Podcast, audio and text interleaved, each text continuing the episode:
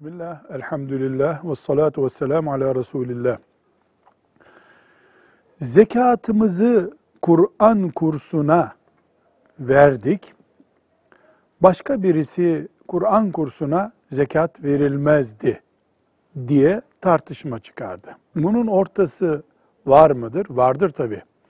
Kur'an kursunda okuyan fakir talebelere bireysel olarak zekat verilir, onlara verilmelidir zaten. Kur'an'a hizmet edecekleri için. Ama Kur'an kursunun bütçesine, orada toplu harcanacak bütçeye zekat katamayız. Çünkü zekatı Allah sekiz farklı yerde kullanın diye emretmiştir.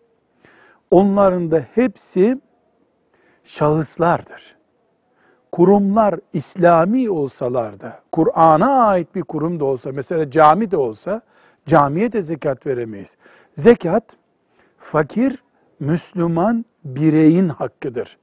İslami kurumların hakkı sadakadır, yardımdır.